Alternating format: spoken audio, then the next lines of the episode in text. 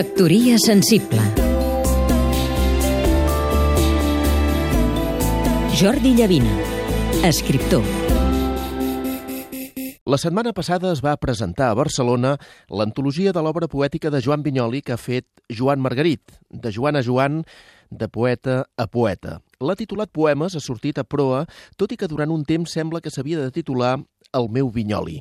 Aquest del meu Vinyoli, però, ha acabat quedant com a títol de la llarga introducció que afirma el poeta de Joana, un text polèmic, controvertit, valent, que aposta per un determinat Vinyoli com valenta i arriscada és per descomptat la tria, que de fet és el que justifica el pròleg.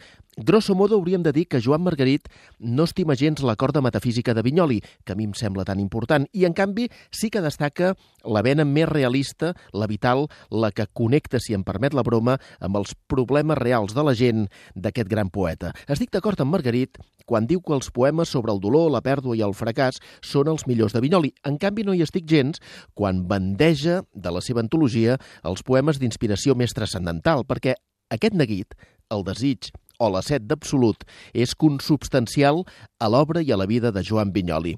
Margarit selecciona poemes de tots els llibres de Vinyoli, llevat del primer, un llibre menor, i de llibre d'amic, al meu entendre, una de les grans consecucions del barceloní. D'aquest llibre deixeu-me'n recordar el poema número 8.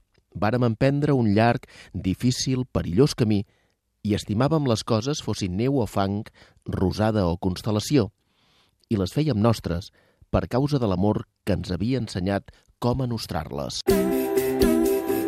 Factoria sensible Seguim-nos també a catradio.cat